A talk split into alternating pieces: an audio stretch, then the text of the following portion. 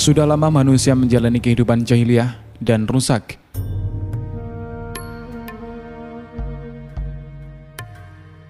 Kemudian Nabi Shallallahu Alaihi Wasallam membawa agama agung ini untuk mengalihkan manusia dari lumpur hitam kemusyrikan dan kekafiran menuju cahaya tauhid dan iman.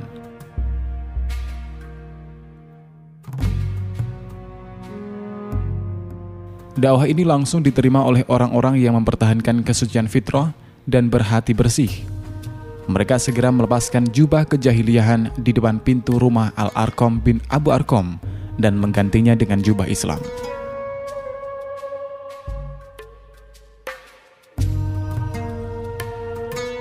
Totalitas jiwa dan raga mereka diserahkan untuk taat kepada Allah Subhanahu wa taala dan memperjuangkan agamanya.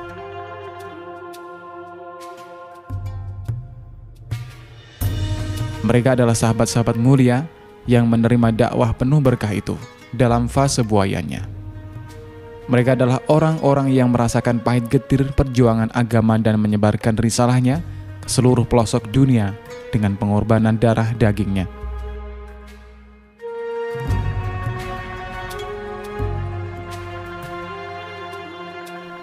Masih dalam kisah sahabiah yang gugusan bintang keberadaannya, karena dia pernah menjadi pendamping manusia terbaik di dunia, Nabi Muhammad SAW.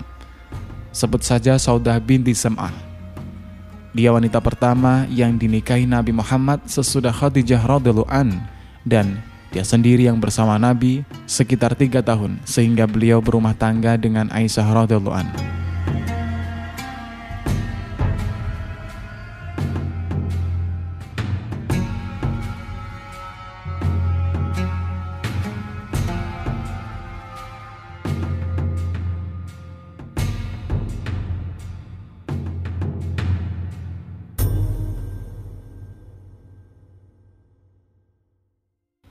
Sebelum menikah dengan Rasulullah, Saudah telah menikah dengan Sakron bin Amr al-Amiri.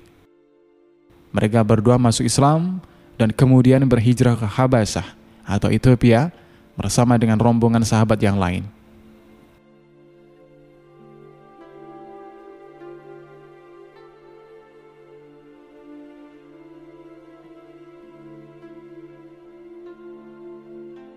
Ketika Sakron dan istrinya Saudah tiba di Habasah, maka Sakron jatuh sakit dan meninggal dunia.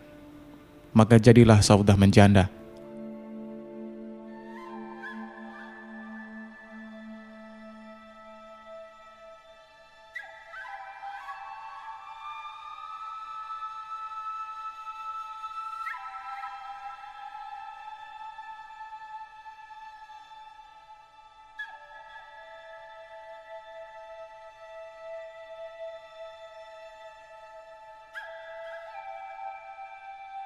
Kemudian datanglah Rasulullah meminang Saudah dan diterima oleh Saudah dan menikahlah Rasulullah Shallallahu Alaihi Wasallam dengan Saudah pada bulan Ramadan.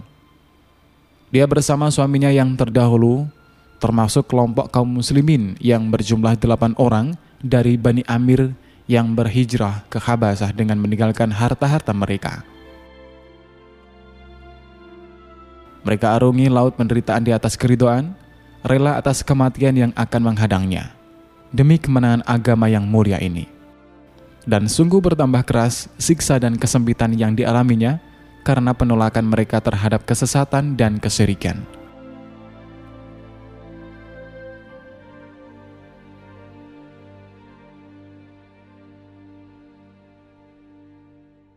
Dia adalah Ummul Mukminin Saudah bintu Zam'ah bin Qais bin Abdul Syams bin Abdul Wud Al-Amiriyah radhiyallahu anha Ibunya adalah Syamusi binti Qais bin Zaid An-Najariyah.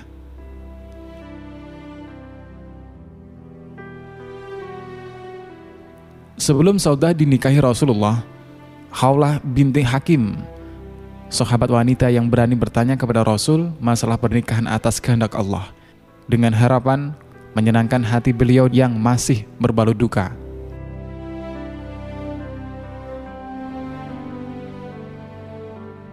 Aisyah menceritakan bagaimana Khawlah binti Hakim berhasil membicarakan masalah ini dengan Rasul Shallallahu Alaihi Wasallam. Aisyah berkata, ketika Khadijah meninggal dunia, Khawlah binti Hakim bin Al Auqas, istri Utsman bin Makzum, berkata kepada Rasulullah. Saat itu masih di Makkah. Wahai Rasulullah, apakah engkau tidak ingin lagi? Rasulullah balik bertanya, dengan siapa? Khawlah menjawab, terserah kepadamu.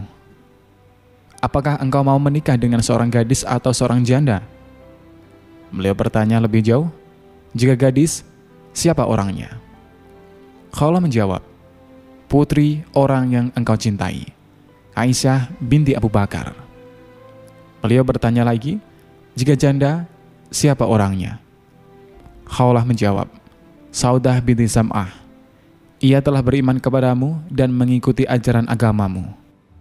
Rasulullah berkata, Kalau begitu pergilah dan sampaikan pinanganku kepada mereka berdua.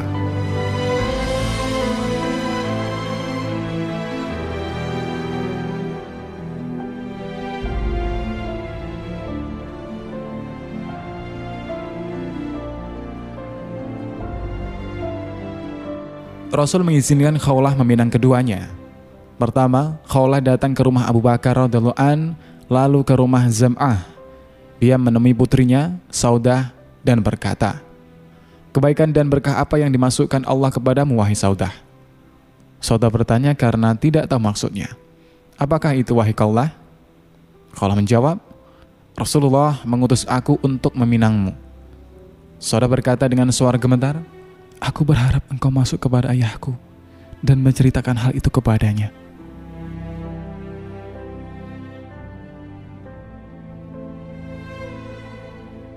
Maka terjadi kesepakatan dan berlangsunglah pernikahan.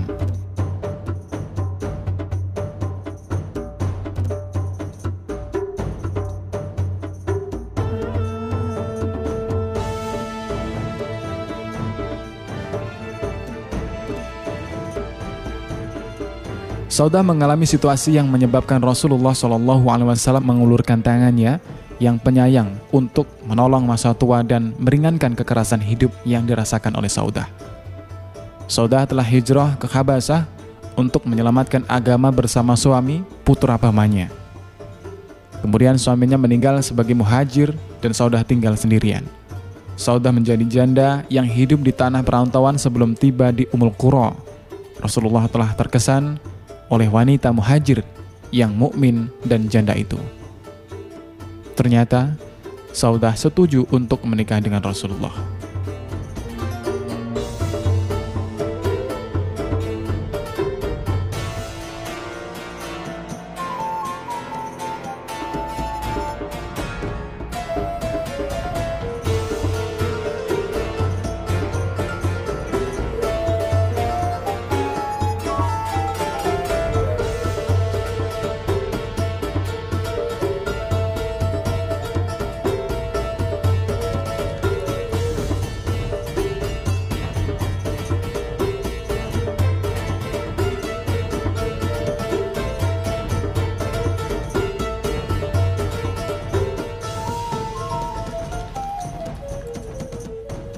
Sauda adalah seorang istri yang menyenangkan suaminya dengan kesegaran candanya, sebagaimana dalam kisah yang diriwayatkan oleh Ibrahim anak Kai, bahwasanya Sauda berkata kepada Rasulullah Shallallahu Alaihi Wasallam, wahai Rasulullah, tadi malam aku sholat di belakangmu.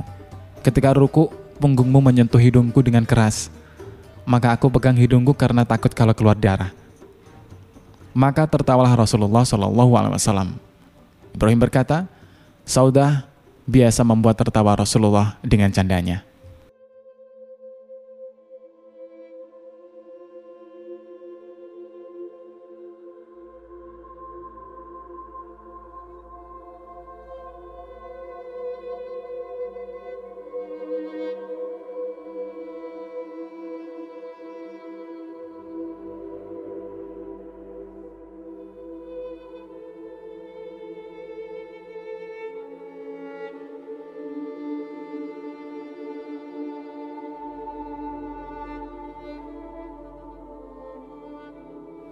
Sauda memahami bahwa pernikahannya dengan Nabi Shallallahu Alaihi Wasallam didasari karena rasa iba beliau kepadanya setelah kematian suaminya.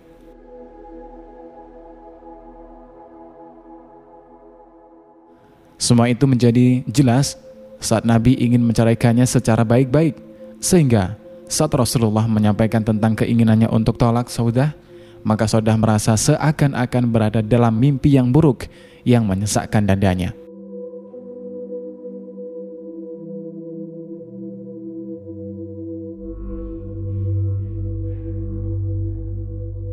Ia tetap ingin menjadi istri Sayyidul Mursalin sampai Allah membangkitkan dirinya di hari kiamat kelak. Dengan suara yang lembut, ia berbisik kepada suaminya. Tahanlah aku ya Rasulullah, dan demi Allah, aku berharap Allah membangkitkan aku di hari kiamat dalam keadaan aku sebagai istrimu.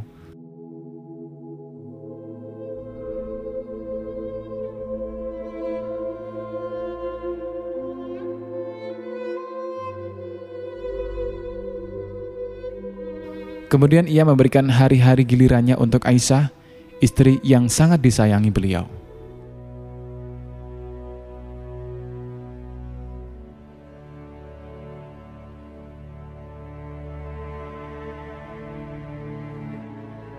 Akhirnya Rasulullah Shallallahu Alaihi Wasallam memperkenankan permintaan wanita yang mempunyai perasaan baik ini, sehingga Allah turunkan ayat tentang hal ini, yaitu dalam surat An-Nisa ayat 128 yang artinya maka tidak mengapa bagi keduanya mengadakan perdamaian yang sebenar-benarnya dan perdamaian yang sebenar-benarnya dan perdamaian itu lebih baik.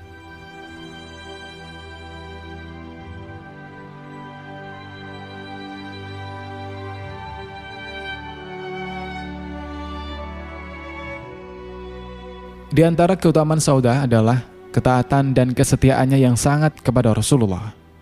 Saat haji wada, Rasulullah Shallallahu Alaihi Wasallam bersabda kepada para istri-istrinya, "Ini adalah saat haji bagi kalian. Kemudian setelah ini hendaknya kalian menahan diri di rumah-rumah kalian." Maka sepeninggal Rasulullah, Sodah selalu di rumahnya dan tidak berangkat haji lagi sampai dia meninggal. Saudah termasuk deretan istri-istri Rasulullah Shallallahu Alaihi Wasallam yang menjaga dan menyampaikan sunnah-sunnah Rasulullah. Hadis-hadisnya diriwayatkan oleh para imam yang terkemuka seperti Imam Ahmad, Imam Bukhari, Abu Dawud dan Nasai.